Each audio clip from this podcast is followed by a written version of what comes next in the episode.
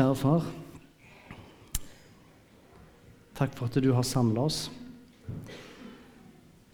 Du ønsker å møte oss. Og jeg ber om at Din Hellige Ånd taler til oss, og at vi kan være i dialog med deg denne søndagen. Vi legger møtet, ja, resten av møtet òg i dine hender. Amen.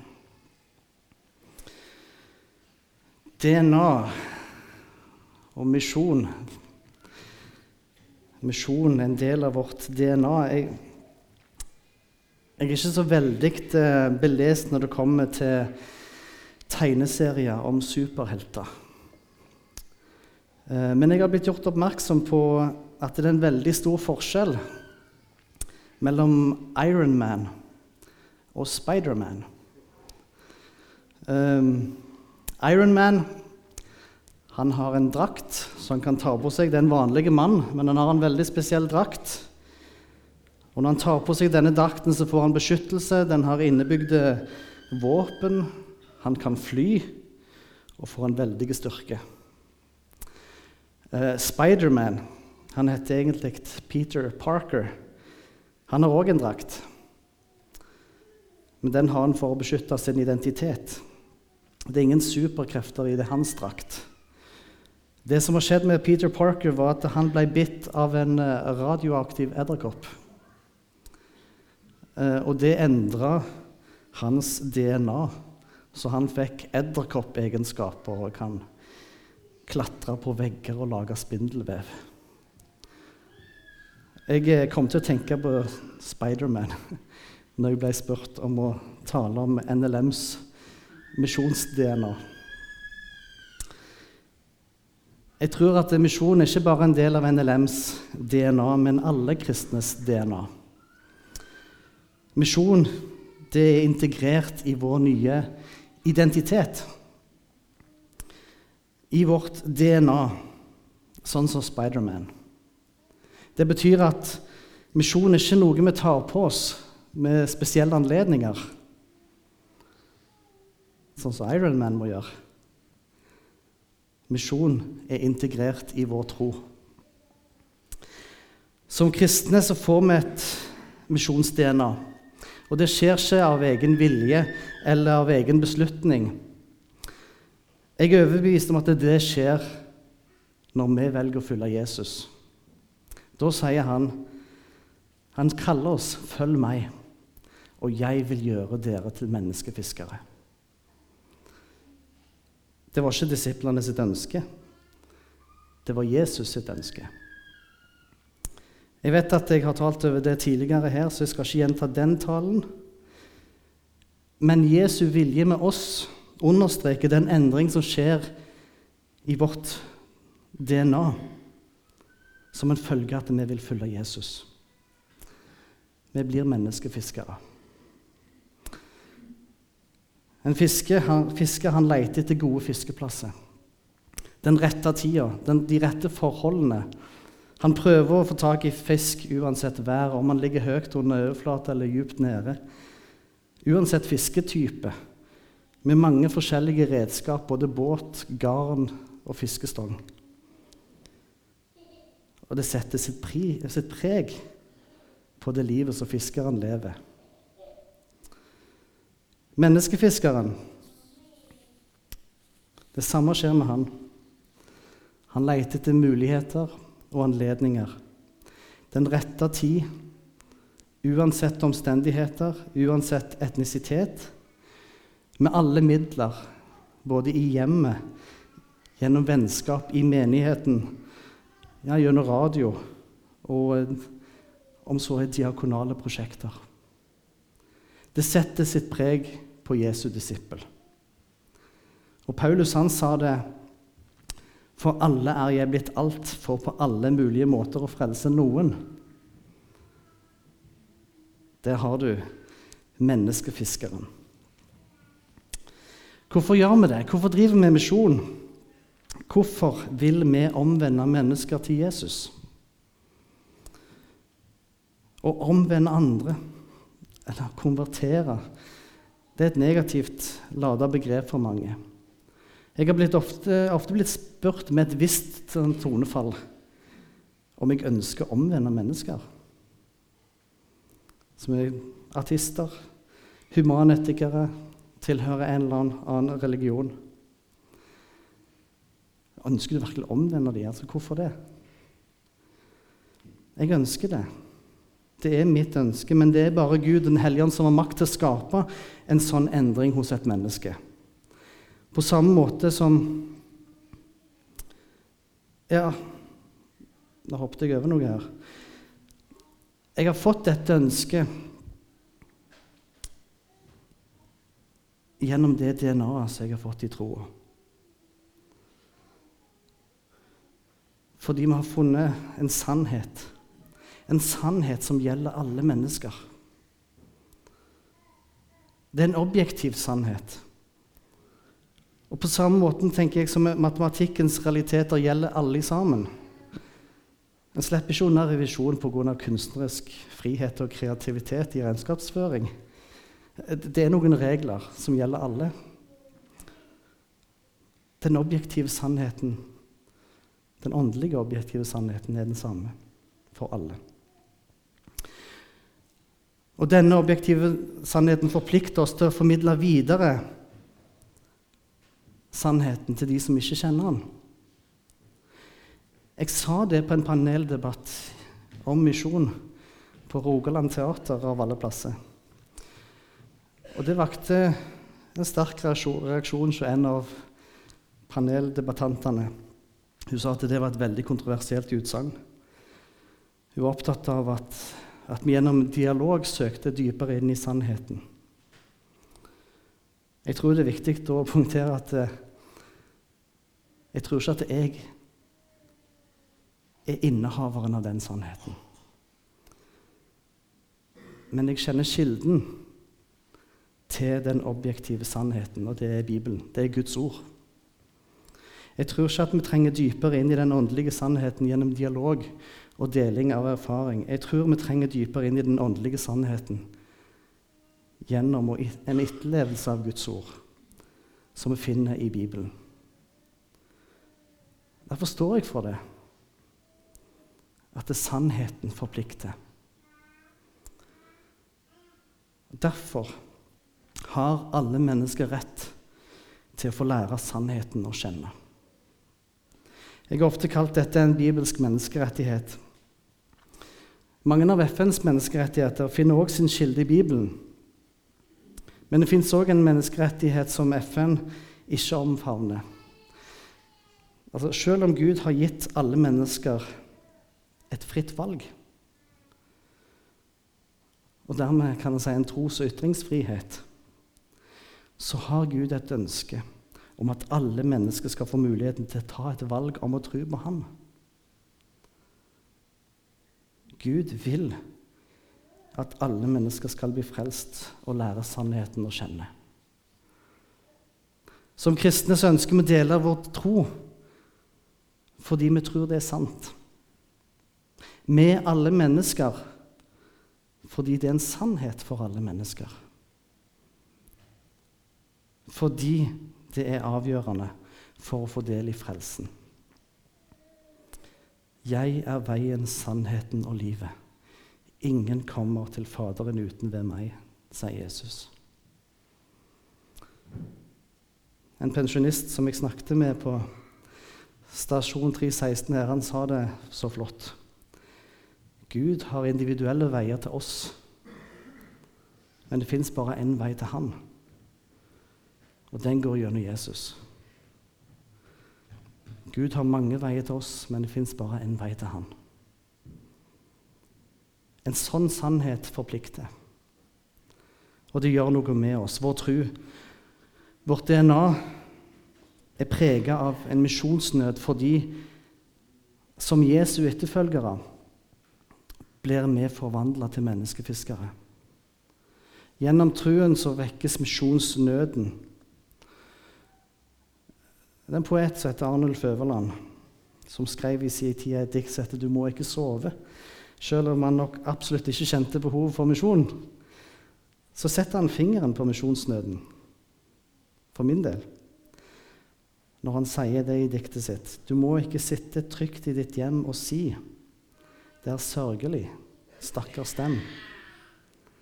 Du må ikke tåle så inderlig vel den urett som ikke rammer deg selv. Jeg kjenner det igjen. En overbevisning som jeg har om sannheten, forplikter. Og underforstått så sier en her at vi må gjøre noe. Med alle midler, på alle måter, for den ene og for de mange. For de vi ser, og de vi ikke ser. De som er nært, og de som er langt borte. Vi må gjøre noe. Vi kan ikke være tilskuere til misjon. Vi må gjøre noe. Og akkurat dette her, 'do something', det sa en mann som heter William Booth. Han sa det til sin sønn når han så flere hundre mennesker sove ute under Charing Cross Bridge i England. Og Det ble starten på Frelsesarmeen sitt arbeid blant mennesker på gata. Do something. Det var tre personer som så mannen som var forslått i grøfta på vei til Jeriko. Men det var én barmhjertig samaritan som gjorde noe. Vi har et kall til å gjøre noe med det vi ser med egne øyne rundt oss, men òg med Guds øyne, som ser alle mennesker som ennå ikke har fått høre evangeliet. Vi driver misjon fordi vi ønsker å dele sannheten med alle mennesker, fordi denne sannheten forplikter til handling. Et annet moment med visjonen er hva gagner det oss? Hva tjener vi om mange mennesker kommer til tro? Det er kanskje et rart spørsmål. Om du opplever spørsmålet rart, så tror jeg kanskje det skyldes at du har et misjons-DNA. Fordi det er et veldig vanlig spørsmål som mange har i møte med misjon. I Mali så var de skeptiske til hva vi holdt på med. De lurte på dette her. Ville deres omvendelse føre til status for, eller penger eller posisjon for misjonen eller misjonæren? Mange spør hvorfor er det en kamp mellom kirkene i Norge om å få høye medlemstall. Skyldes det statsstøtten? Hva tjener vi på misjon? På det personlige plan, som eh, misjonær, så kan jeg si at jeg har ikke kommet godt ut av det økonomisk. Ehm, jeg har ikke opplevd at valget om å reise ut som misjonær har vært et genialt valg med tanke på karriere og muligheter til å klatre i stigen. Tvert imot så, så er det noen dører som stenges når de hører at du har vært misjonær. For oss alle så er misjon en utgift. Det koster. Og vi får ikke noe igjen for den investeringen. Men det er en velsignelse og det er en glede å få lov til å leve i henhold til sin egen overbevisning. Da blir det en velsignelse å bo med utedo, solcellepanel, eh, egen brønn eh, i 45 graders varme uten mobildekning eller internettdekning, sammen med folk som ikke deler de tro. Livet gir mening når en får bidra. Selv om det ikke gagner oss sjøl i utgangspunktet. Og så har misjonen ingenting å si for vår egen frelse. Og det vet vi veldig godt i NLM, at vi blir ikke frelst med gjerninger, men av nåden alene. Jesu verk for oss. Vi får ikke noen ekstra stjerner i margen med misjon. Det har på en måte ingenting å si for vår frelse. Misjon gagner oss på en måte ikke men det gir livet en mening utover dette livet. Det samme kan si for NLM som misjonsorganisasjon. Organisasjonen blir ikke større av å gå til nye folkeslag, til nye land. Vi ønsker ikke å spre NLM til alle folkeslag. Selv om jeg har truffet misjonsorganisasjoner som jobber for å markedsføre sin egen kirke eller organisasjon internasjonalt, så har vi et kall. Vi har ikke et kall til å bygge et nytt Babels tårn. Vi har et kall til å spre Guds rike. Om NLM får være med å bistå etableringen av en nasjonal kirke, så står den på egne bein. Tar egne teologiske valg som kan være i konflikt med NLM. Men det er greit. Det er ikke våre kirker. Vi gjør bare vår del. Vi gjør det vi opplever at Gud har kalt oss til å gjøre. Han har ansvaret. Jesus kom med en liten lignelse som jeg tror ikke er så veldig populær blant oss. Men på en rar måte så merker jeg at den får meg til å senke skuldrene når det kommer til, til dette med tjeneste og misjon. Og, og Vi finner den lille lignelsen i Lukas, kapittel 17, eh, versene 7-10. Dersom en av dere har en tjener som er ute og pløyer eller gjeter, vil han da si til tjeneren når han kommer hjem fra markene, kom nå og sett deg til bords? Nei, han vil si, lag til kveldsmaten, bind opp skjortelen og stå til tjeneste for meg mens jeg spiser og drikker. Etterpå kan du selv få deg mat. Takker han vel tjeneren for han hadde gjort det han var pålagt? På samme måte med dere. Når dere har gjort alt som er pålagt dere, skal dere si:" Vi er unyttige tjenere og har bare gjort det vi var skyldige å gjøre. Det var inspirerende misjonsord. Jeg finner hvile i disse ordene. Misjon og tjeneste det er ikke en prestasjon. Vi søker ikke Guds gunst med å drive misjon. Vi gjør det vi er pålagt. Av og til så ser vi intervjuer med helter som har løpt inn i brennende hus for å redde folk. Helsepersonell som har handla raskt og redda liv. Piloter som har mestra en vanskelig nødlanding. Det er interessant at de fleste heltene som blir intervjua, sier at de, de, gjorde det alle ville gjort i den situasjonen. Eller de gjorde bare jobben sin. Det var ikke noe spesielt. De var bare heldige som fikk være der til hjelp. På samme måte er misjonsoppdraget en selvfølge for oss. Om vi får lede andre mennesker til Jesus, så har vi bare vært heldige og få være til hjelp. Det er Gud som kaller. Det er hans misjon vi får være en del av. Vi er heldige som får være vitne til hans arbeid i Norge og i utlandet. Misjon er i vårt DNA. Vi driver ikke misjon fordi det gagner oss, men fordi det er Guds vilje. Og Gjennom lydighet så får vi oppleve gleden av livet og tjenest, at livet og tjenesten gir mening utover dette livet, inn i evigheten. Jeg tror det var en lignende opplevelse som fikk Paulus til å si at vi står i gjeld. Vi skylder misjon. Det er noe vi er pålagt. I lydighet så får vi smake av velsignelse. Vi får dele en fred og et håp som mennesket lengter etter. Et annet moment med hvorfor vi som kristne har fått et kall til misjon, er Guds kjærlighet. Misjon springer av Gud av Guds kjærlighet til alle mennesker. Mange kristne liker ikke at vi snakker om at Gud elsker deg sånn som du er.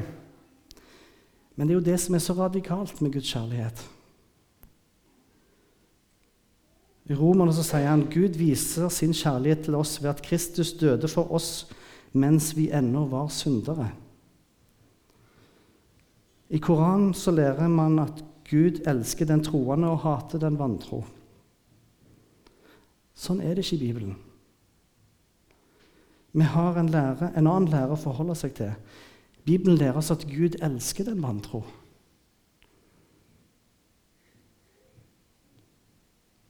Gud elsker alle, uansett hva bagasje en klandrer seg sjøl med.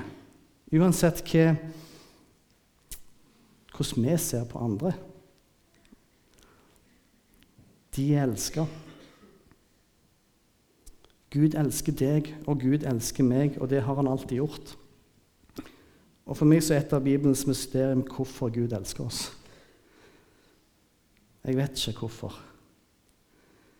Men takk og lov at han gjør det. Gud elsker alle mennesker, uansett sosial status og etnisitet. Han elsker de som er nær, og de som er langt borte. Og han har det samme ønsket for oss alle, at vi ikke skal gå fortapt. Gud ønsker å frelse alle. Derfor sendte han sin sønn, som av egen vilje var lydig til Guds plan om å ta straffen på seg, sånn at vi kunne bli tilgitt. Og tilgivelsen ble mulig fordi dommen har falt, og straffen har blitt sona. Valget alle mennesker har fått, er om vi stoler på Guds verk eller vårt eget. Gud ønsker å servere sitt verk til alle mennesker fordi han gjorde det i kjærlighet til dem. Derfor kan vi si som Paulus at òg kjærligheten tvinger oss. Guds kjærlighet tvinger oss. Når vi får se vår egen frelse, hvor fortapt vi er oss sjøl, hvor nødvendig det var at Gud greip inn for å frelse oss, da ser vi oss sjøl og vår egen situasjon i vår neste. Og vi får et ønske om å dele Guds kjærlighet i hans frelse med deg. Det gir oss Guds blikk på vår neste. Og vi ser vår neste uavhengig av sosial status, etnisitet, kultur, språk. Empatien som medmenneske er tverrkulturell. Vi ser au pairen på Sandve som like viktig for Gud som mitt eget barn. Malenken i nord, nord i Guinea, som ennå ikke har fått anledning til å høre om Jesus, er like viktige for Gud som mitt biologiske søsken. Jesus elsker den forfulgte kristne som bor i Irak, like mye som en elsker soldaten i regimet som torturerer han. Vi erkjenner at grunnen til at Jesus ikke ennå har kommet tilbake for å gjøre ende på ondskapen i verden, skyldes hans kjærlighet til de som ennå er unådd. Det er det Peter sier i 2. Peters brev 3,9. Herren er ikke sen med å oppfylle sitt løfte, som noen mener. Nei, han er tålmodig med dere, for han vil ikke at noen skal gå fortapt, men at alle skal nå fram til omvendelse. Guds kjærlighet tvinger oss til misjon. Nå jobber jeg i IKF. Så jeg lar dere ikke slippe unna med uten at jeg nevner dette misjonsperspektivet heller. For én ting er den misjonsmarken vi har der ute. Den er viktig. Det er en del av vårt DNA. Men jeg vil minne om den misjonsmark som vi har rundt dørene òg her i Sandnes. De fremmede, om vi kan si det, de utgjør 16% av befolkningen. Hvis hver femte person i denne salen hadde en internasjonal bakgrunn, så hadde vi representert samfunnet. Mange av dem tilhører unådde folkegrupper. Og Jeg vil oppfordre dere til å ha dette aspektet med i bevisstheten når dere som menneskefiskere ser etter muligheter til å vinne sjeler for himmelriket. Men mange av de er òg de, de, internasjonale medborgerne våre her. De er òg våre brødre og søstre i troa. Jeg bruker å si til, til dem når jeg treffer dem, at de må nok akseptere å være fremmede i Norge. Men når de kommer inn i menigheten og til kirkene, så skal de ikke bli, akseptere å bli behandla som fremmede for der er de hjemme. For vi har et kall til å være et bønnens hus for alle folk.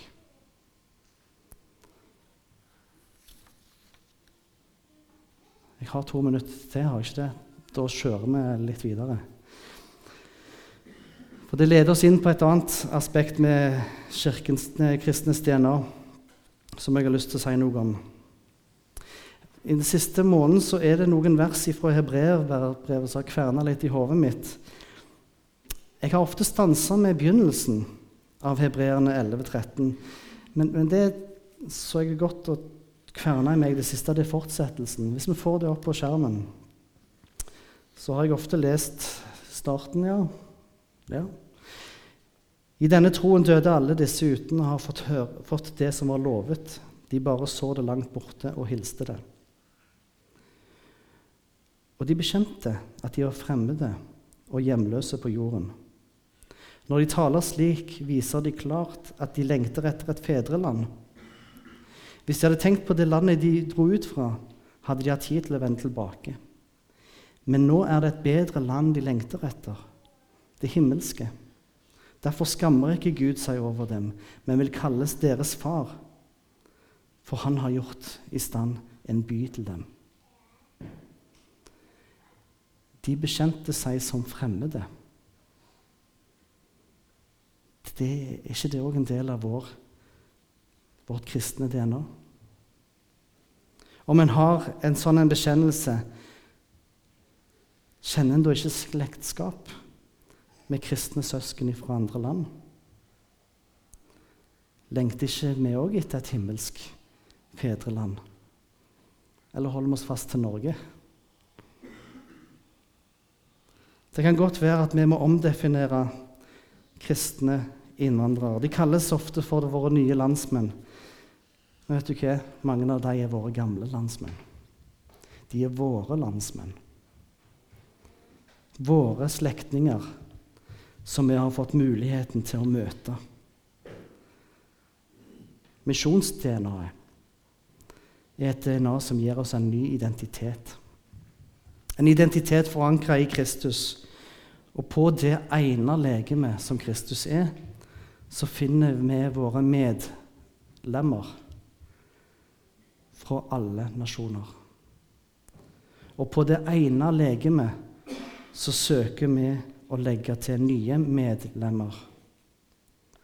Og Det betyr ikke at NLM blir stort, eller Misjonssalen blir stort, men at Guds rike vokser, og vårt himmelrike får nye borgere. Verden for Kristus er ikke bare en global misjon, den er òg lokal. Og Med globaliseringen så har de globale folkeslagene blitt lokale. Og Derfor er det mange i misjonssammenheng som slår de to ordene sammen og sier at vi har en glokal misjonsutfordring. Fordi det er så sammenfletta nå. Og der ligger mye av vår fremtidige misjonsutfordring.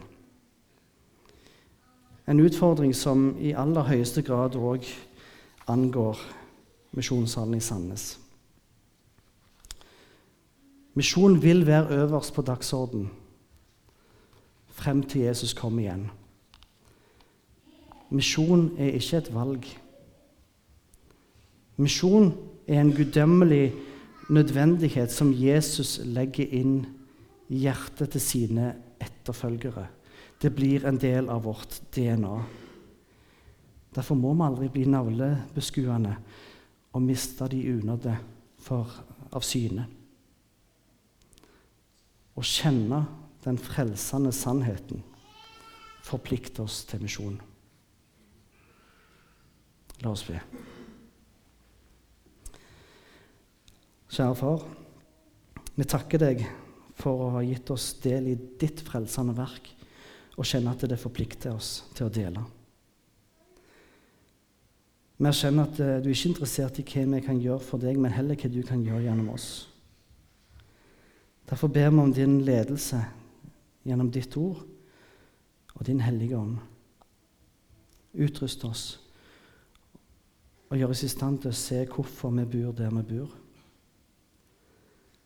Led oss de mennesker du kaller på, så at vi kan få være til hjelp for vår neste. Vi ber for Misjonssalen. At Misjonssalen får være et åpent åndelig hjem for alle mennesker. Og at vi makter å sende vitner ut til de som ennå ikke har hørt om korset, nåden og frelsen. Vi ber i Jesu navn. Amen.